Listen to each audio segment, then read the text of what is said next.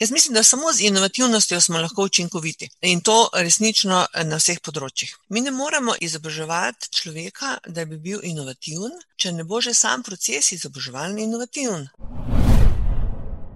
Zaposleni so najpomembnejši del nagrade, lahko rečem 99% zaposlenih in 1% jaz. Vsak vrhunski šport zahteva sto odstotno osredotočenost, ravno tako, kot zahteva to vrhunski posel. Brez inovativnosti nikoli ne bomo dosegli željenih ciljev oziroma ustrezne dodane vrednosti. Dobrodošli v Gravitaciji, podkastu, v katerem ideje ne padajo daleč od drevesa vami sta Aleš Ugošek in Miha Goršin, z njima v studiu pa so inovatori, razvojniki in druge ideje polne slovenke in slovenci, ki s svojimi dejanji in razmišljanjem spremenjajo naš in vaš svet. Drage poslušalke in poslušalci, lepo pozdravljeni v posebni epizodi Gravitacije, ki bo tokrat posvečena dvema nagrajenkama in dvema nagrajencema gospodarske zbornice Slovenije za izjemne gospodarske in podjetniške dosežke. Nagrade so bile podeljene na včerajšnji 53. podelitvi nagrad, katere rdeča nit je bila s tradicijo Gradimo prihodnost. Nagrada GZS za izjemne gospodarske in podjetniške dosežke predstavlja najstarejše tovrstno priznanje v Sloveniji, ki je bilo prvič podeljeno leta 1969 ob obletnici smrti Borisa Krajgerja, vodilo nagrade pa so izjemni dosežki trajnejšega pomena.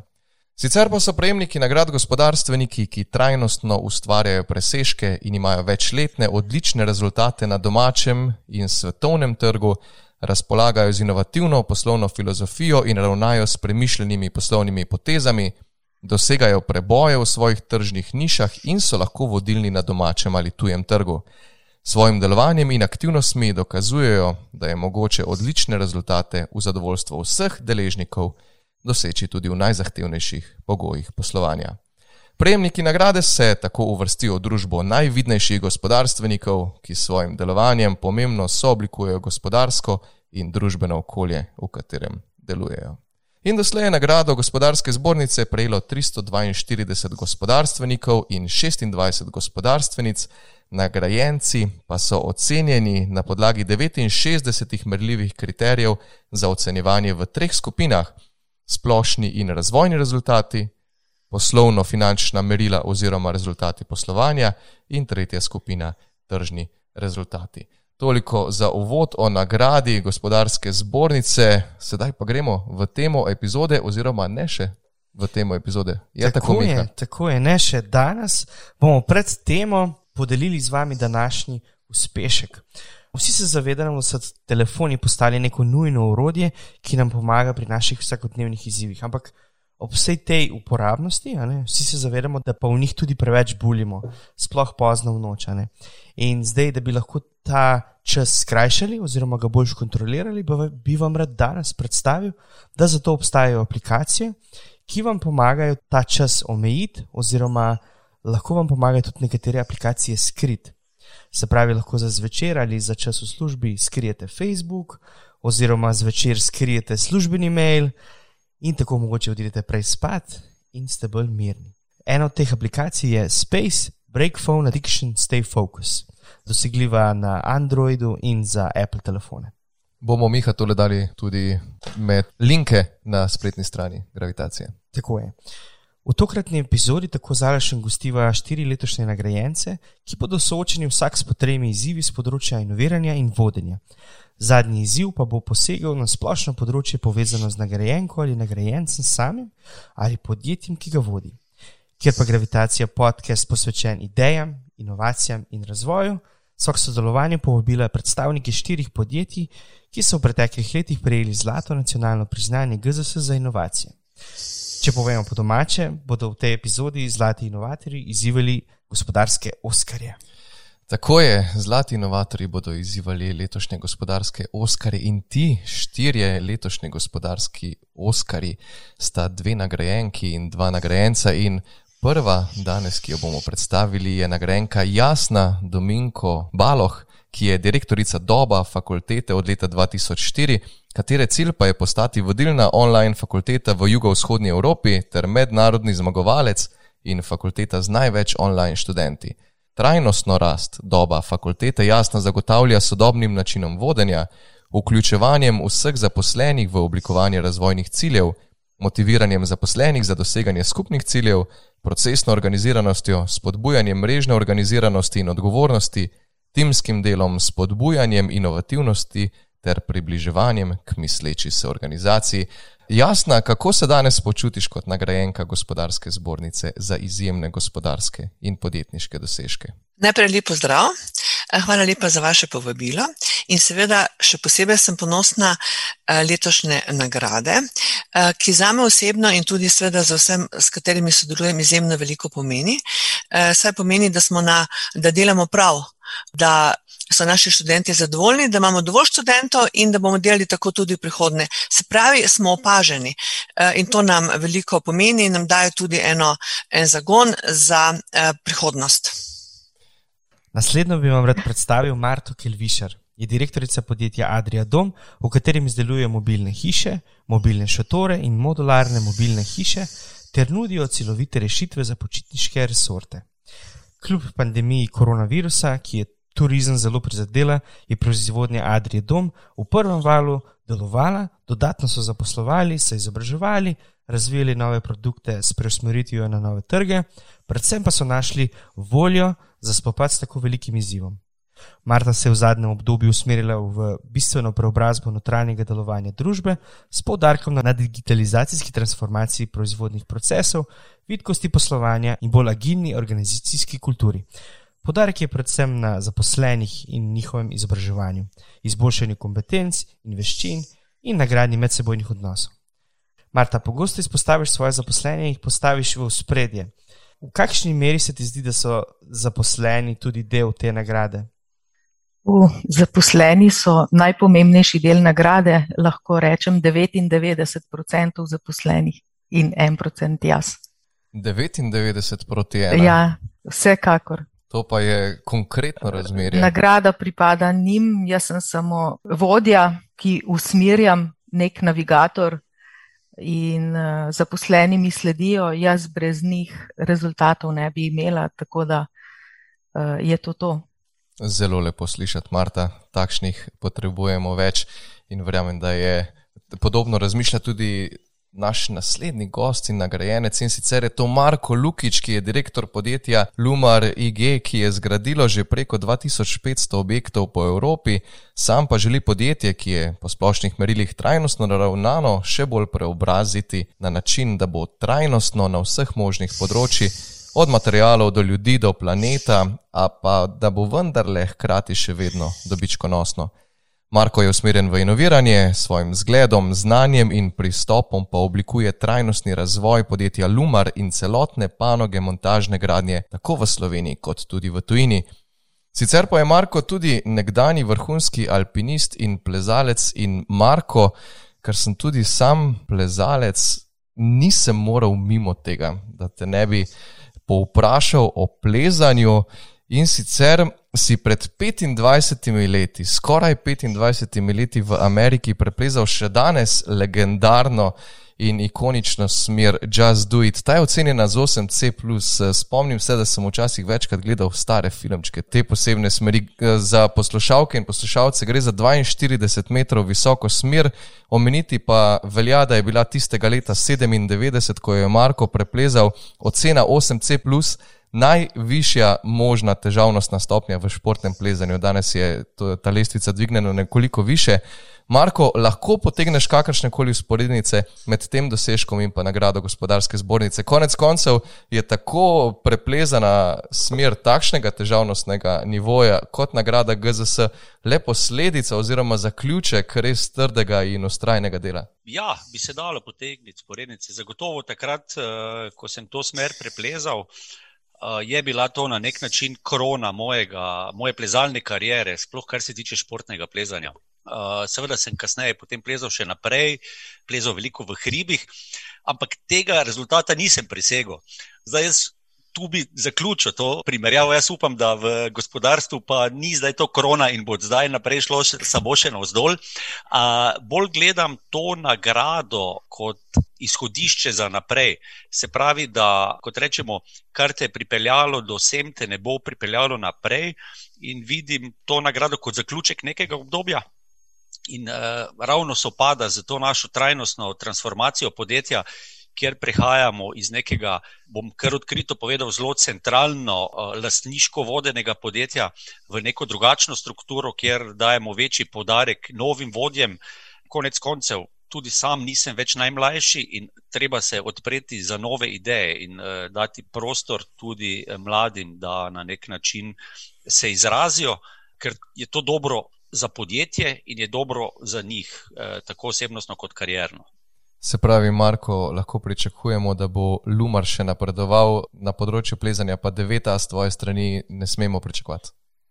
Ne, moja plezalna karijera v tem smislu športnem je zagotovo zaključena.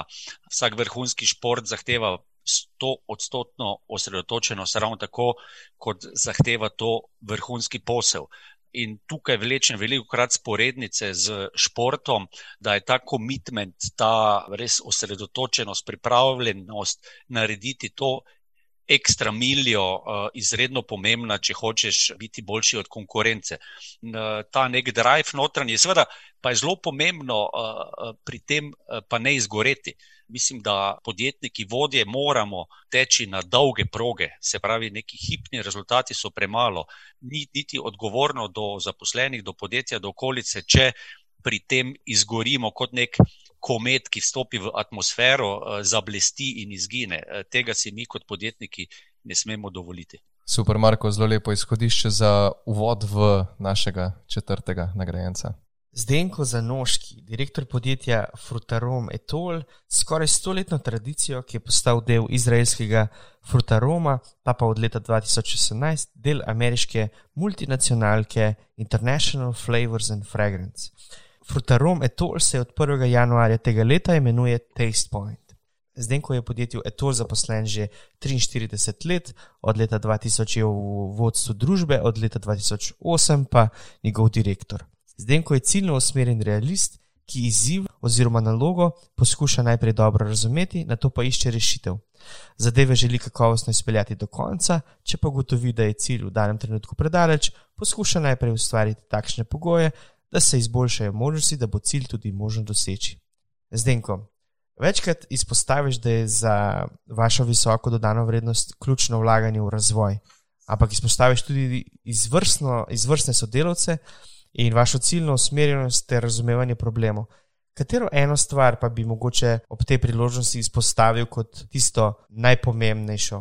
Hmm, težko je tu izpostaviti samo eno kot najpomembnejšo, ker se stvari prepletajo. Ampak lejte, jaz sem prepričan, da brez inovativnosti nikoli ne bomo dosegli željenih ciljev oziroma ustrezne dodane vrednosti. In, Uh, mislim, da se v Sloveniji uh, o tem nekoliko premalo govori, in uh, v končni fazi tudi nekoliko premalo naredi. Ne? V Sloveniji je mogoče prvi poraz nekako okarakteriziran kot negativen, ne? v tujini, če prvič ne uspeš, probaš naslednjič in tako dalje. Ne? In, uh, Prav gotovo, da je pa za eno tako malo državo, kot je pa Slovenija, ne, je pa znanje ključno. Ne. In ko imaš inovativnost, znanje, to gre ta vedno roko z, roki, z, z roko z roko. In brez tega jaz mislim, da dobrih in močnih podjetij ne bomo imeli. Hvala lepa, Zdenko, za te misli. Zelo lepo vod si dal v prvi niz izzivov, govoril si o inovativnosti in prav iz področja inovativnosti prihajajo prvi izzivi. In kot že omenjeno v tej epizodi, vas, gospodarske oskarje, po domače rečeno, izzivajo zlati inovatori in izbrali smo štiri predstavnike zlatih inovativnih podjetij iz preteklih let, ki so vam pripravili izzive z področja inovativnosti, vodenja in pa splošne izzive. In gremo na prvo področje, in to je področje inovativnosti. Jasna, začeli bomo s tabo. In za tebe je izzive pripravil, evo, sedaj pa jih izveš, Leopold Povše, direktor podjetja Radeče Papir Nova iz Radeč, ki je leta 2018 prejelo zlato nacionalno priznanje gospodarske zbornice za inovacijo raztopina za obdelavo papirja in postopek površinske obdelave papirja za izboljšanje jakosti in odpornosti papirja. In prvi izziv z področja inovativnosti gre takole.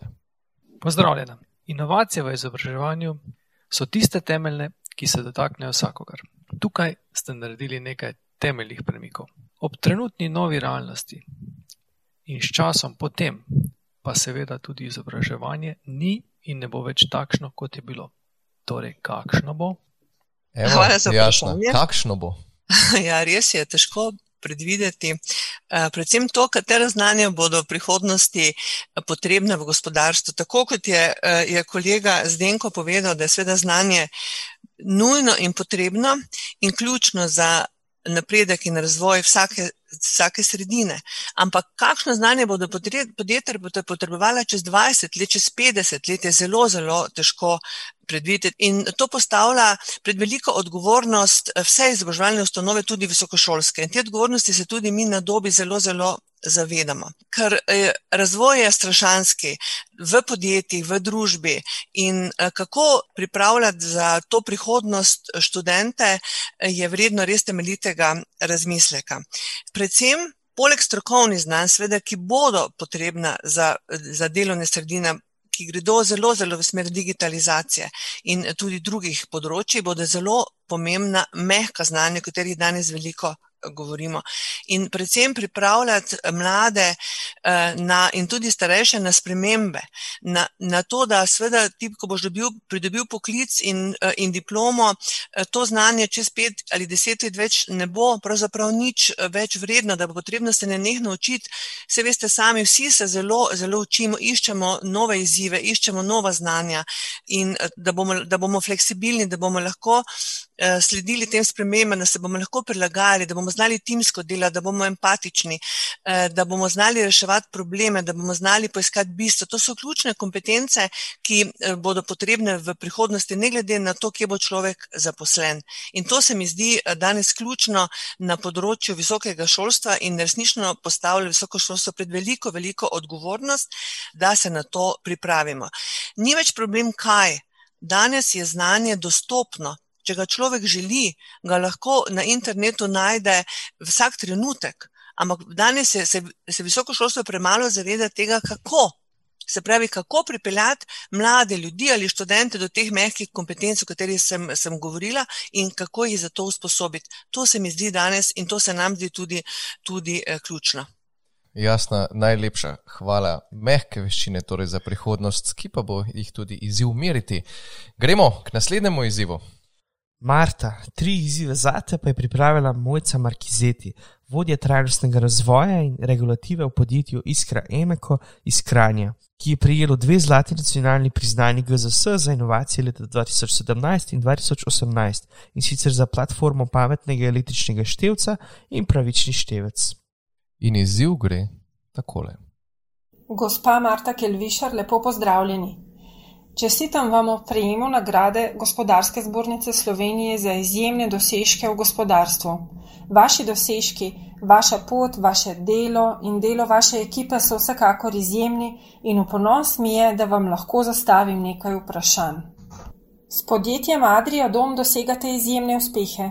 Večkrat ste rekli, ta rezultat je posledica naše inovativnosti, dobre organiziranosti in hitre odzivnosti. Inovativnost ste postavili na prvo mesto. Kako obdržite nivo inovativnosti, kako zagotoviti inovativnost vsak dan, v vsakem procesu, vsako sezono? Inovativnost je blizu ustvarjalnosti. Kako negujete to lasnost v svoji ekipi in v svojem delu? Najprej hvala za čestitke, pa bom tudi tokrat kar začela uh, pri ljudeh.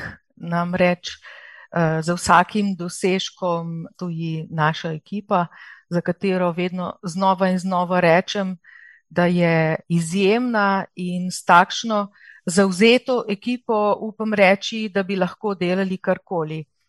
Zauzetost zaposlenih je pri nas na dost visokem nivoju, lahko rečem, za proizvodno podjetje. Namreč imamo 57 odstotkov aktivno zauzetih in 21 odstotkov zauzetih. In skozi leta se je v bistvu ta zauzetost tudi povečevala, namreč načrtno smo jo, smo jo gradili. In s takšno organizacijsko klimo oziroma kulturo podjetja potem tudi nimamo strahu pred novimi izzivi in tako lahko tudi lažje nove spremembe upravljamo. Vendar tukaj gre za tek na dolge proge. Najprej se začne pri zaupanju, spoštovanju, dobrimi odnosi, izpolnitvijo obljub, potem pošteno in korektno poslovno sodelovanje tako znotraj podjetja kakor tudi zunaj pri poslovnih partnerjih in nenazadnje tudi pošteno in korektno plačilo. Ko enkrat to dosežeš, in mi smo to zaupanje v teh sedmih letih zgradili, potem ta pot enostavno ni več težka, to je, to je pač en proces, ko rečemo, si v flowu in gremo dalje. Potem je še nekaj pomembno, da imamo ta sistem inoviranja zelo enostaven, da je dobro vzpostavljen, da ta deluje in mi spodbujamo naše zaposlene, da koristne predloge zapišejo, jim tudi pomagamo z enostavnimi obrazci. Na nas pa je seveda tudi, da poskrbimo, da hitro te predloge oziroma njihove rezultate obdelamo, proučimo in vključimo potem že v realizacijo. Namreč ti hitri rezultati zelo, so zelo pomembni in zelo štejejo. Na, na ta način so zaposleni motivirani in z veseljem podajajo predloge. Pomemben je tudi design thinking, se pravi snovanje produkta, ki gre skozi več faze, torej smo sam dizajn vključili že na začetek skozi produktno vodenje. No, in v bistvu, če zaključim, ko povem, da se mi zdi, da so inovacije ključ uspeha. Inovacije se ne zgodijo same od sebe, pač pa pomenijo predanost kupcu in trgu, ki ga moramo razumeti in smo soustvarjalci oziroma kreatorji in tako lahko tudi trende napovedujemo oziroma jih narekujemo. In s takšno inovativno kulturo smo potem tudi vedno v kondiciji in pripravljeni na nove izzive. Marta, hvala lepa. Marko, dobil si zelo zanimivega izzivalca, in sicer je to Aleš Dolenc. Aleša poznaš, je direktor podjetja M-Sora iz Žirov, M-Sora je leta dva tisoč šestnajst prejela zlato nacionalno priznanje za inovacijo, leseno okno Natura Optimo XLT, sicer pa je Aleš tudi lanskoletni nagrajenec Gospodarske zbornice za izjemne gospodarske in podjetniške dosežke. Aleš ti je pripravil zelo konkretno vprašanje oziroma ne, pripravil ti je zelo konkreten izziv, gre pa takole. Pozdravljen, Marko.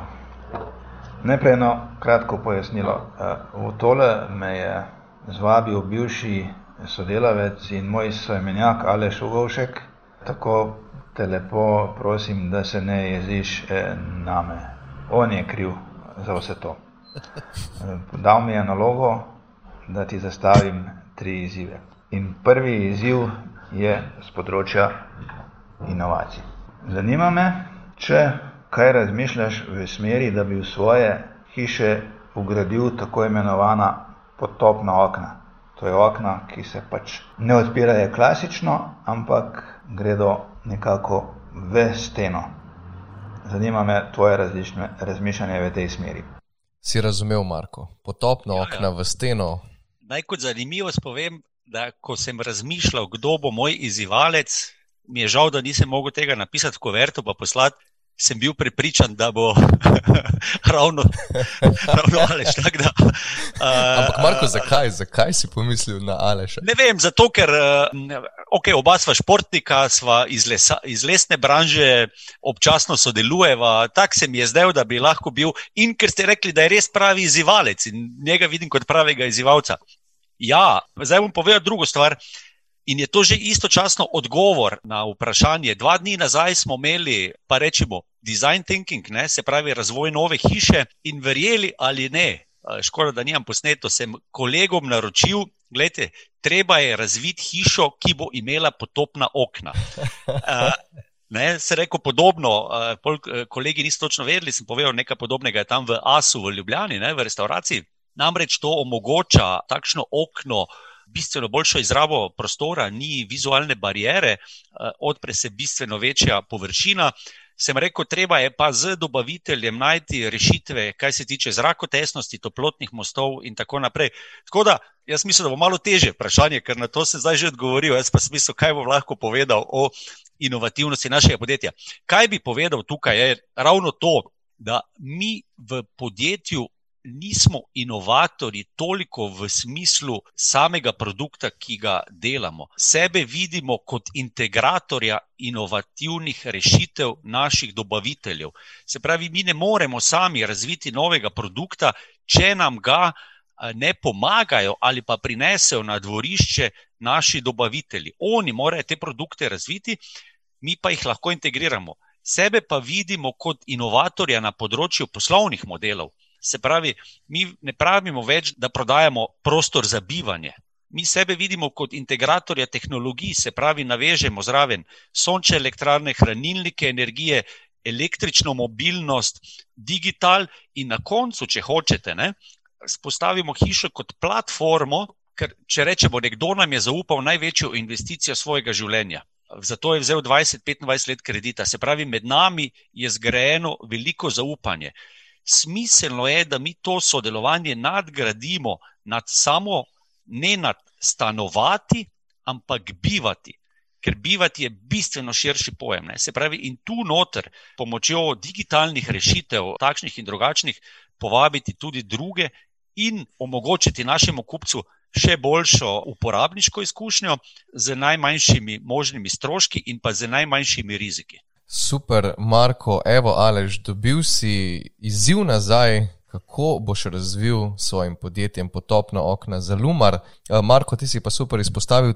Zadnjič je izpostavil Gregor Smole iz Iskratela, ne, da inovacije niso več tisto, da bi izumljali neke nove rešitve in nove izume, ampak se gre za predvsem inovativno integracijo vsega skupaj v nek nov produkt, v novo storitev in pa inoviranje poslovnega modela. Ja, se strinjam. Mi že vse čas funkcioniramo na ta način, ker te drobne inovacije, izboljšave, pa po principu Tesle, ki mislim, da ne vem, koliko izboljšav naredi na dnevni ali tedenski bazi, tako ali tako preko povratne zanke iz projektiranja, iz delavniških dokumentacij, iz proizvodne in na koncu iz samega gradbišča, ki je pa reality check in pa feedbacka stranke, konstantno spreminjamo. Se pravi, izdelek, ki ga imamo mi, je popolnoma individualiziran, ne naredimo dveh enakih hiš, smo v B2C segmentu, se pravi, izpolnjujemo sanje. In sky is the limit, pa ne mislim zdaj v finančnem smislu v prvi vrsti, ampak v smislu želja. Uh, večina naših kupcev že prebiva nekje. Jaz se včasih pošalim, vse ne stanujejo v šotoru. Se pravi, oni že imajo prostor za bivanje, izpolnjujejo svoje sanje, Se pravi, družina je pri slovencih nek zelo visoko pozicioniran cilj, drugo pa je potem za to družino spostaviti najboljše eh, pogoje bivanja, in vedno je želja, da je to hiška na robu gozda, vedno obsijana z soncem in z nizkimi stroški. In mi se moramo najbolj približati temu. Super, Marko. In še zadnji inovacijski izziv.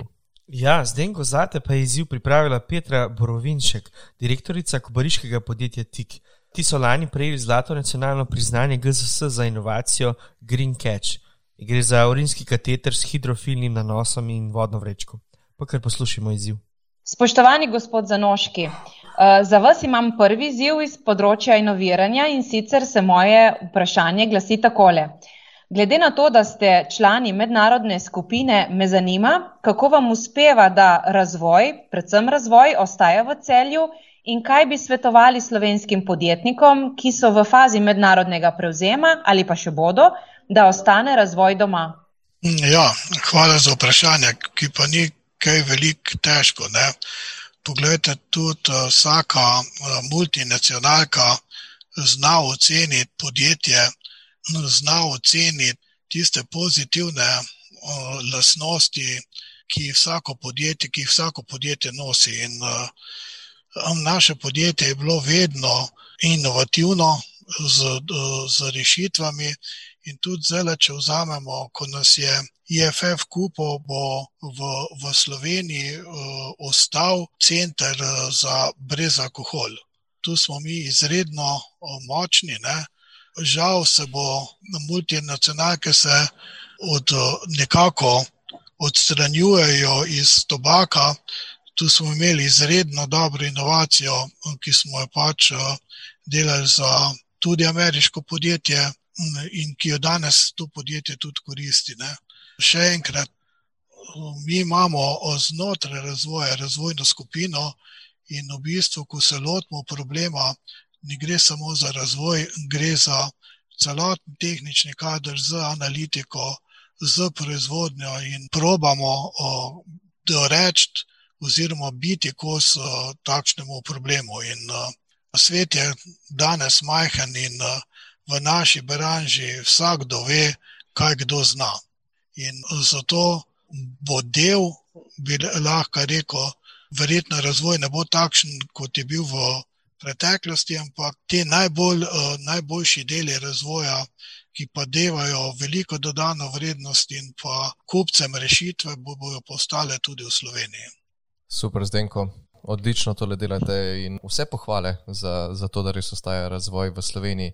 Gremo pa sedaj na drugi set izzivov in sicer na izzive z področja vodenja. Tako je, bomo pa zdaj obrnili vrstni red, pa nadaljujemo kar s tabo, Zdenko. Leta 2008, ko ste po 30 letih dela v Etolu prevzeli vodenje družbe, ste si postavili cilj postati vodilni proizvajalec zeliščnih, zelenjavnih in mesnih arom v srednji in vzhodnji Evropi.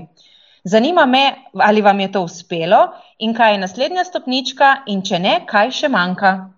Lejte, vsekakor si, smo si vedno devali cilje, za katere smo mislili, da so realni. Ne? In uh, jaz mislim, da arome so pač del končnega produkta ne? in vedno spremljajo produkt. Zdaj, v določenih uh, segmentih smo naredili izredno velik korak. Naprimer, naša multinacionalka je ena vodilnih tudi v mesni industriji, in na tem mesnem delu smo bi rekel, zadal, ustvarili vse cilje, v ostalih pa verjetno ne. Ampak morate pa nekaj vedeti, ne? ko pri prevzemih vsaka multinacionalka potem pregleda zastavljen razvoj in ga mogoče kdaj kaj preusmeri oziroma združuje. Ne? In tako se, jaz sem pripričan, da se bojo mesne arome združile in razvoj kot takšen, osnovni, ne bo več v celju. Ampak lahko rečemo pa, da za ta del trga, katerega smo si pa zadali, da smo več ali manj izpolnili praktično vse cilje. Zdenko, a lahko da me eno klišejsko vprašanje? Kje vidiš podjetje čez pet let? Ja, jaz mi, vidim podjetje čez pet let, da bomo izredno močni uh, proizvajalci prašnatih arom. Tu smo zdaj investicijo dokončali in uh, delamo z sedmimi opraševalniki. Ne? In pa, kot sem rekel, uh, bomo izredno močni v multinacionalki na področju brez alkohola. Seveda bomo se ukvarjali tudi s tekočimi aromami, določenimi ekstrakti in tako dalje, ki so nišni produkti, ampak mislim, da bo v, v teh dveh segmentih se bo naredil kar velik premik. Ne? In še en segment je, to so pa, bi lahko rekel, začimbe za, za snekse. tu se pa zdaj izvaja nova investicija. Tu je pač multinacionalka IFF izredno močna in z svojimi kupci, in v končni fazi bo izreden pomemben del proizvodnje njihove pač lociran v Sloveniji. Ne. Žal pa sam razvoj vseh teh produktov je pa izredno močen v Hilversumu, se pravi v Holandiji in ta bo tako tam tudi ostal. Hvala lepa, Zdenko. Miha, no, okusi za snekse, kateri okus bi si dal na čips? Mm. Pina kolada. Ne. Mm. Dobro vprašanje. Kaj? Mislim, to je ja. zdaj direktni odgovor z trga. Kaj še predih mesnega s čebulo? Ja, ampak to ni nič novega. Pridih me, ja. Mm. To je smoky bacon, uh, pa onion. Pa ja, dobil si me, sploh ne vem. Ok, dobro, ostanemo, o, ostanemo zdaj, ko s čipsom spina kolada, pa da vidimo, kaj nastane iz tega. Eh, evo, Marko, Marko, ti si naslednji, ja, spet smo tule, Alež Dolenc proti Marku Lukiču. Evo, pa da slišimo, kakšen je izziv z področja vodenja. Predstavljaj si takole situacijo. K tebi pride en tvoj ožji sodelavec, ki ga ceniš, ki ti je dragocen in ti pove, da ima zanimivo ponudbo za drugo službo, ne pri direktnemu konkurentu, da ga ne moreš držati za neko konkurenčno klauzulo, ampak pri sorodni dejavnosti za 20% boljšo plačo. Kakšna je bila tvoja reakcija? Ja, vse s tem se vse čas srečujemo ne, na nek način. Jaz mislim, da če je prišel ta oži sodelavec, ki ga cenim do mene in se je prišel o tem pogovoriti, je to zelo dober znak. Ne. To pomeni, da imamo neko zaupanje, da čuti neko pripadnost, da pa očitno v našem kolektivu več ne vidi dovolj velikega izziva. Denar, mislim, da ni tisto, kar bi rekel, ko govorimo o, o vseeno malo višjih vodstvenih položajih, eh, bi bil ključen motivator za zamenjavo službe. Je samo nekaj, kar ti notranje, ali pa bi rekel, navzven, bolj daje nek temelj, da rečeš, ja, pa tam bom boljše zaslužil. Se pravi, je zmanjkalo izzivo. Zagotovo bi poskušal uh, pogledati, kako lahko temu kolegu ponudimo boljši izziv znotraj podjetja, istočasno bi ga pa vprašal, kje smo na nek način fejlali, oziroma kako je sploh prišlo do tega, da se nismo več razvijali na način, da bi te njegove cilje, motivacijo lahko zasledovali. Gledam pa jaz to tudi drugače. Ne? Včasih ne, je pa treba to videti tudi kot priložnost za spremeniti se. Pač ne moremo odpreti novih vrat, dokler ne zapremo starih ali pa prejšnjih. Tak, veste, ko greste iz neke banke ven, ne, preden se ona navzven zaprejo, ne, v Parizu se ona za tabo, eh, mislim, odprejo, se morajo ona zapreti ne, in pač eh, niso oboja odprta. Vedno, veste, jaz poskušam tudi eh, ne samo pri poslu, tudi generalno v plezanju je bilo tega seveda bistveno več, vključevati v odločitve tudi najprej biti čuječ, potem pa skozi to tudi intuitiven. Ne. Največje stvari v življenju se običajno ne zgodijo na osnovi Excel-šita. Včasih pridejo k nam stranke in imajo zloženih 12 različnih ponudb, segmentiranih z vsemi plusi, minusi, izgubljeni, že itak čisto. Ne? In potem to gledamo, poslušamo, pa se jaz seveda malo pošalim, pa da ne bi to izpadlo malo. Je vedno stvar konteksta. Ne? Rečem, gledajte, sej govorim zase, ko sem se jaz odločil, s kom bom uh, živel v življenju, tudi nisem vseh potencijalnih kandidatov, pa seveda jih ni bilo, Zdaj, v resnici je bila samo ena, samo za lažje primerjave. Ne? Zložil v neko tabelo, pa rekel, jo, ta je pa ta prava, ker ima največ plusov. Ne? In tako je, mislim, tudi tu, pri, uh, da si moramo pustiti intuiciji prosto pot, uh, ne samo fakti bruti, ne? se pravi, strogo, tik, tik, tik, samo to. Sploh pri nas, moških, mislim, da je to še bolj pomembno. Ne? Ženske, mislim, da imajo to bolj razvito. Je pa res, da ko si dolgo v poslu, se vedno bolj naslanjaš eh, na neke številke, na neke podatke, ker je to področje, ki je varno. Ampak pravih prebojev ne moreš narediti, če se zanašaš na, samo na številke, ker one so zgodovina. Eh, številke so vedno historični podatek eh, za naprej, so neki modeli, pa to, ampak malo je treba prisluhniti. Zdaj pa, ko smo se še pogovarjali, ali še tudi omenil konkurenčno klauzulo tudi nekoga, uh, in to imamo večkrat za kolegi iz branže, tudi mi smo šli pol zdaj pred kratkim na te konkurenčne klauzuli, ker se je namreč dogajalo, ker vsi to konkurenti imajo. Ampak jaz mislim, da držati ljudi preko konkurenčne klauzule je itak brez veze. Ne? Ti moraš postaviti pogoje, da bo nekdo ostal. Zdaj pa tudi ko se s kolegi to pogovarjamo, ja, pa bo vnesel znanje tja. Jaz gledam malo širše, gledam na dolgi rok. Seveda v tistem trenutku zaboli, ne? ampak tudi ti lahko preko povratne zanke jutri dobiš iz konkurenčnega podjetja nekoga in cela branža raste. Če gledamo nemško avtomobilsko industrijo, vodstven kader, inženirji.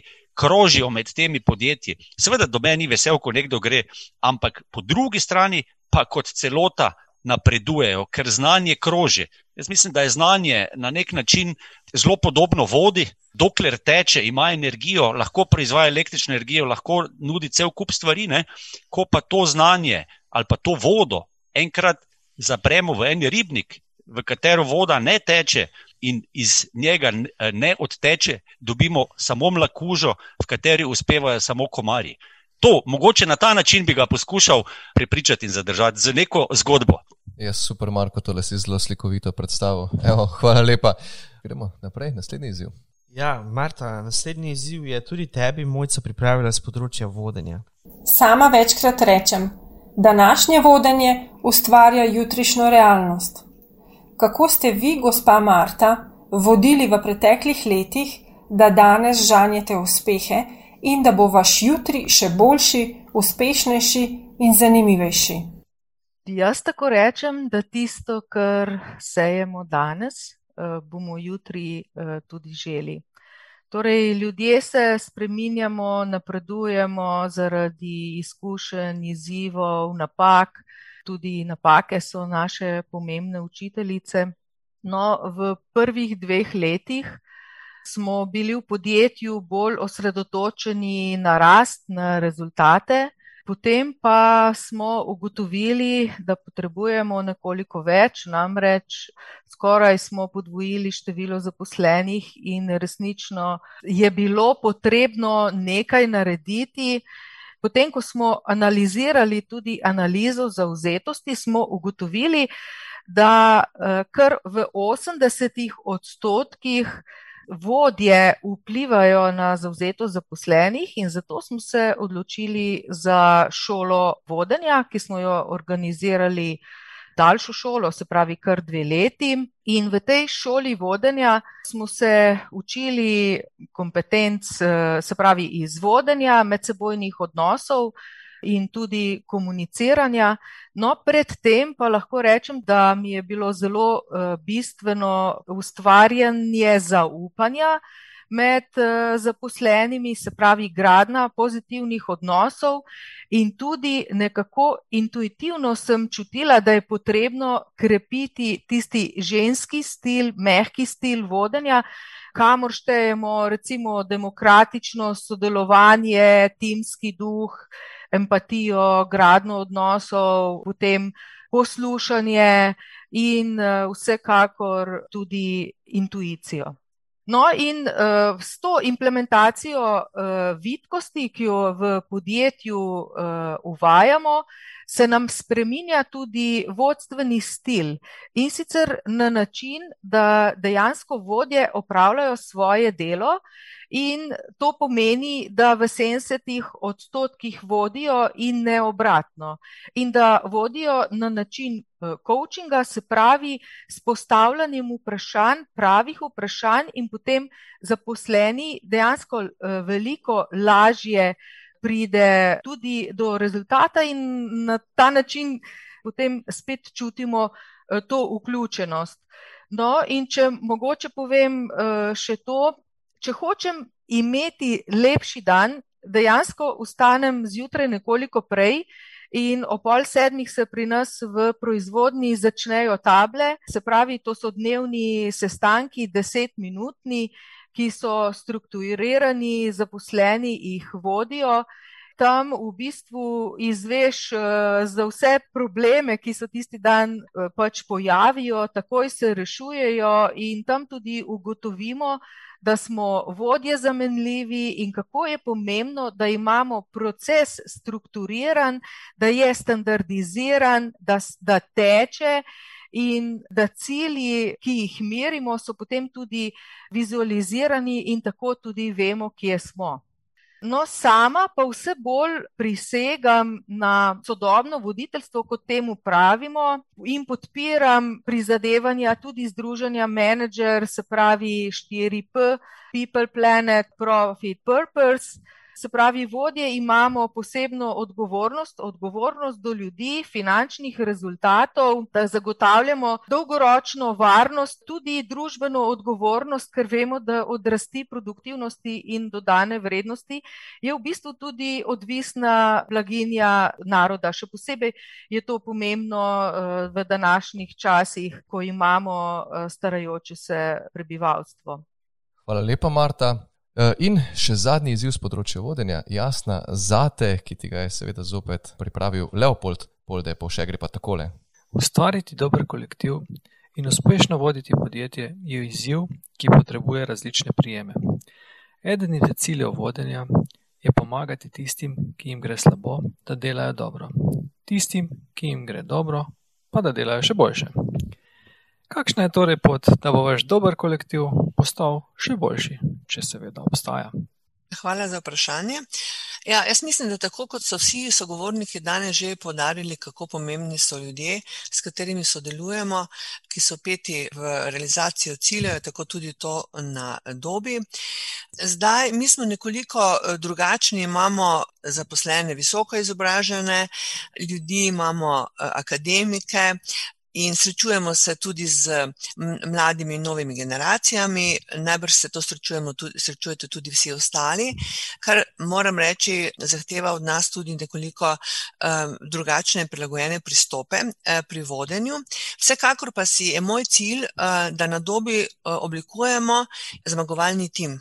Zmagovalni tim pomeni vse to, o čemer so govorili že moji predhodniki, eh, zauzetost, zaposleni, zbiranje idej, nagrajevanje, variabilni del plače, novi izzivi. Eh, skratka, vse to vključujemo v tem timu, da združujemo ljudi in jih motiviramo za eh, to odlično sodelovanje. V teh čudnih časih zadnjega leta je seveda tudi to zaupanje, o kateri so govorili tudi moji kolegi, izjemno pomembno, kako graditi zaupanje z ljudmi, z katerimi eh, tudi delamo. Sicer je pa naš cilj misleča doba. Ne? Zdaj smo vsi učeča, moram reči, da se kar že nekaj let trudimo uh, in si postavljamo cilje misleče dobe, doba fakultete, govorim o zaposlenih, ne samo učeče, res, da se vsi že tako in tako učimo, je zelo veliko, ampak želimo še narediti uh, ta korak dalje in to je naš cilj tudi za prihodnje. Najlepša hvala, jasna, tudi za tale tvoj odgovor. Sedaj pa gremo na zadnji set vprašanj, ki pa je splošen. Ja, te vprašanja bodo bolj splošne narave, povezane z našimi nagrajenci, seveda, njihovimi hobiji in službo. Začnimo s tabo, Marta. Prvo vprašanje je zate in se nanaša na polnjenje baterij. Osebno se ne poznava dobro, sva se pa nekajkrat srečali in si tudi delili odar delujete močno, fokusirano, natančno, delovno in zelo skromno, prizemljeno. Kje in na kakšen način napolnite svoje baterije, prečistite svoj um in zajamete svež zrak za odločen zalet proti novim dosežkom? No, tako Marta, kje in kako?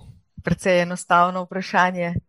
Torej, največji navdih, eh, sprostitev, inspiracijo mi predstavlja narava, naravo zelo čutim, moram reči, da če dale bolj. Z njo sem zelo povezana, v bistvu sem bila uh, že od mladih nog uh, z njo povezana. In uh, zadnja leta tudi vrtnarim, živim ob gozdu, tako kot je gospod Lukič dejal, imam sansko hišo uh, ob gozdu, se pravi v naravi in najdem svoj mir tam, kadarkoli si ga zaželim, je ta sprehodek blagodejen ali pa če samo posedem. Ptičje petje je tisto, ki me pomiri. Uh, ob vikendih uh, imam rada tudi malo daljše pohode, Trško goro imam namreč tudi zelo blizu, sicer pa obožujem hribe, sploh eh, poleti, gore, planinarjenje in v zadnjem času tudi kolesarjenje. Med tednom eh, tudi telovadim različne oblike vaj, eh, spravi aerobika, pilates, vaje za moč. To namreč zelo potrebujem, v bistvu, da uravnovesim telo z, z mislimi. No, in že nekaj let me pa tudi zanimajo uh, malo bolj poglobljene vsebine z področja duhovnosti, tako da najdem svoj mir in odgovore na mnoga vprašanja, vse bolj tudi na tem področju. Super, Marta, evo mojca, slišala si. Jaz mislim, da lahko povabiš Marto, zato ker kolikor poznam mojco, je tudi ona zelo rada v naravi in v hribih in v gorah. Torej, mislim, da se lahko lepo spajdašita. Jaz imam še eno vprašanje, Marta, tako, uh mhm. -huh. mogoče eno hitro. Jaz po noči veliko slišim železnico, pa vlak. A ti mogoče slišiš kakšne medvede ali pa tudi nekakšnih lisic? ne, to pa moram reči, da ne. ne zato, ker ima dobro okno. Prej prej železnico, ko, uh, ko je mir, zato ker nedaleč je proga. Aha, ok, ok, super. Marko, takrat, ko se bo razvijalo potopno okno, jih bomo dali Marti testirati, da vidimo, če sliši medvede ali pa kmihu, ne? Eh, da ne bo slišal železnice. Naslednji splošni izziv, jasna je zate in kot že dvakrat do sedaj ponovno, polde. Še en inovacijski izziv. Glede na to, da je inovativnost tista, ki nas dela drugačne, boljše, enkratne. Kaj je večji izziv? Biti inovativen v izobraževanju ali uspešno izobraziti inovativne diplomante.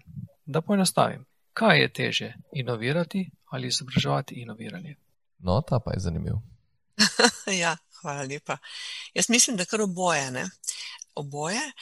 Mi ne moremo izobraževati človeka, da bi bil inovativen, če ne bo že sam proces izobraževanja inovativen. In zaradi tega se trudimo na doba fakulteti, da mi tako z uvajanjem e-izobraževanja in z uvajanjem eh, novih pedagoških pristopov, ki so bistveno drugačni od drugih fakultet, smo inovativni tako da, da imajo naši študenti tudi izkušnjo, kako poteka inovacija. Imamo seveda tudi predmete, imamo programe, ki so povezani z inovacijami. Imamo, skratka, to je naša ena izmed usmeritev, samo vendarle mora potekati vse skupaj zelo drugače, da tudi se pri ljudeh ozavesti, da je potrebno se učiti drugače, kar je možno, da je potrebno predstavljati se drugače, da je potrebno spite upravljati drugače. In uh, to se mi zdi, da je ključen, uh, naš ključen cilj.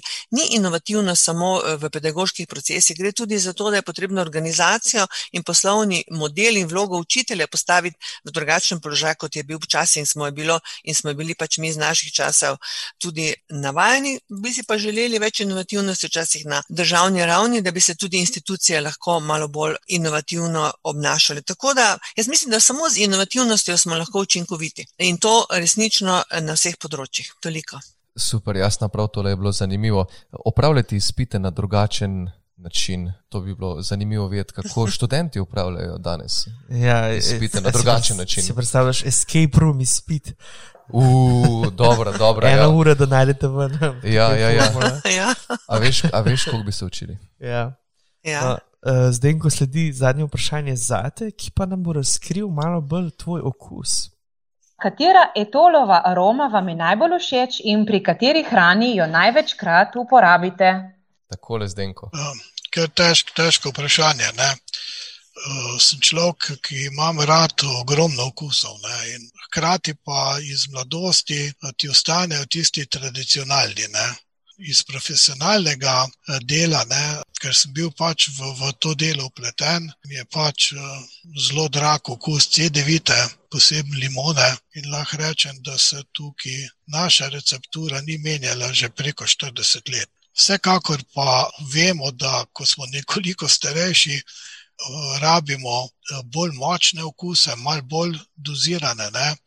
Ko pa smo pa mlajši, pa bi lahko rekel, nismo do tega tako dovzeti. Ne. Še enkrat, ne, glede kam potujemo, ne, iz področja do področja se pa te okusi pač menjajo. Ne.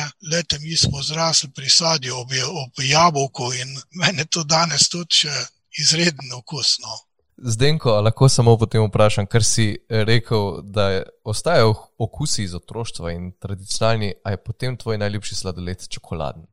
Da, pa res je. Ja.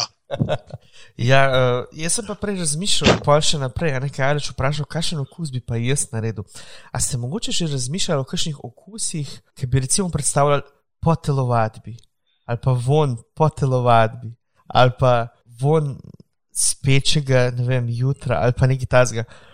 Sploh se da to kaj tasga, že kje razmišljate o tem mogoče? Lik po telovadbi ne, ampak pogledajte, se, pogledajte imate pa božične okuse, ne?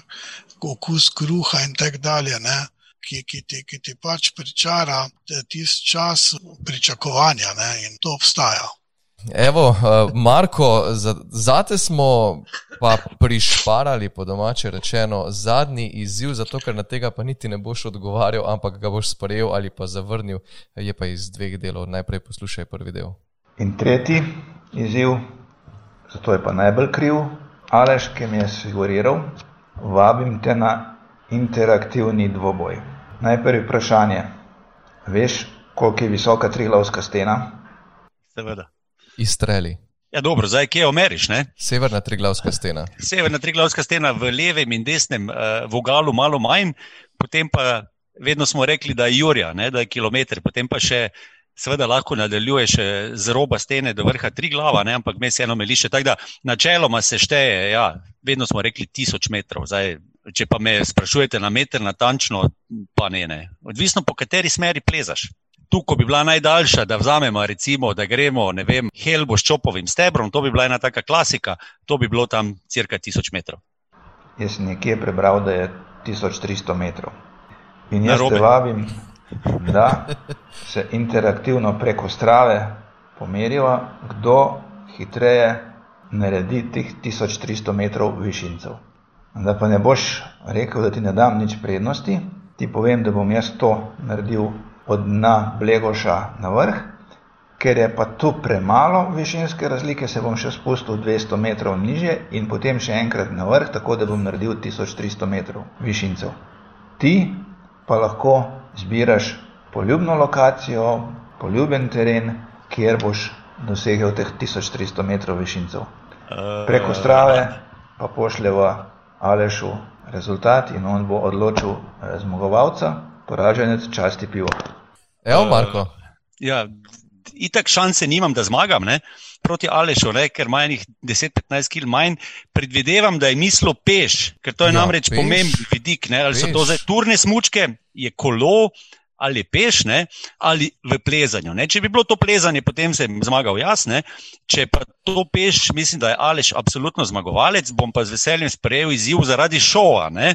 Zdaj še samo povete, to mora biti verjetno letos, ne. ker če bi rekli drugo leto, pol bi začel zdaj jaz trenirati, ne. letos pa verjetno več nimam šanse. Ja, ja, sprejmem, seveda, ampak pivo je pa, kar se vede tiče, brezalkoholno dogovorjeno pivo brezalkoholno, um, alež po mojem, da ne bo spil brezalkoholnega. Tole bomo zorganizirali, opravljaš ga lahko kakorkoli, lahko tudi prepleze severno triglavsko steno, v glavnem 1300 metrov višincev in v eni izmed prihodnih epizod gravitacije bomo obelodanili rezultate in kdo je zmagovalec tega epskega dvoboja dveh direktorjev iz zahodne in vzhodne kohezijske regije naše države Slovenije.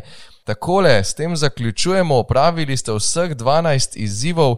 Povedal bom samo par besed, ki so odzvanjale skozi vaše odgovore in sicer inovacije, razvoj, mehka znanja za prihodnost, zauzeti zaposleni, dobra ekipa, intuicija pri vodenju in zaupanje med zaposlenimi. To je nekaj stvari, ki ste jih večkrat izpostavili. Lepa hvala, jasna, lepa hvala, Marta. Marko in Zdenko za gostovanje v gravitaciji. Iskrene čestitke za prejem nagrade gospodarske zbornice, za izjemne gospodarske in podjetniške dosežke. Hvala tudi mojci, Petri, Alešu in Leopoldu oziroma Poldetu za pripravljene izzive. In ja, hvala vsem vam, ki ste poslušali tole epizodo do konca. Slišimo se ponovno čez 14 dni. Vse je dobro in naslišanje k malu. Thank you.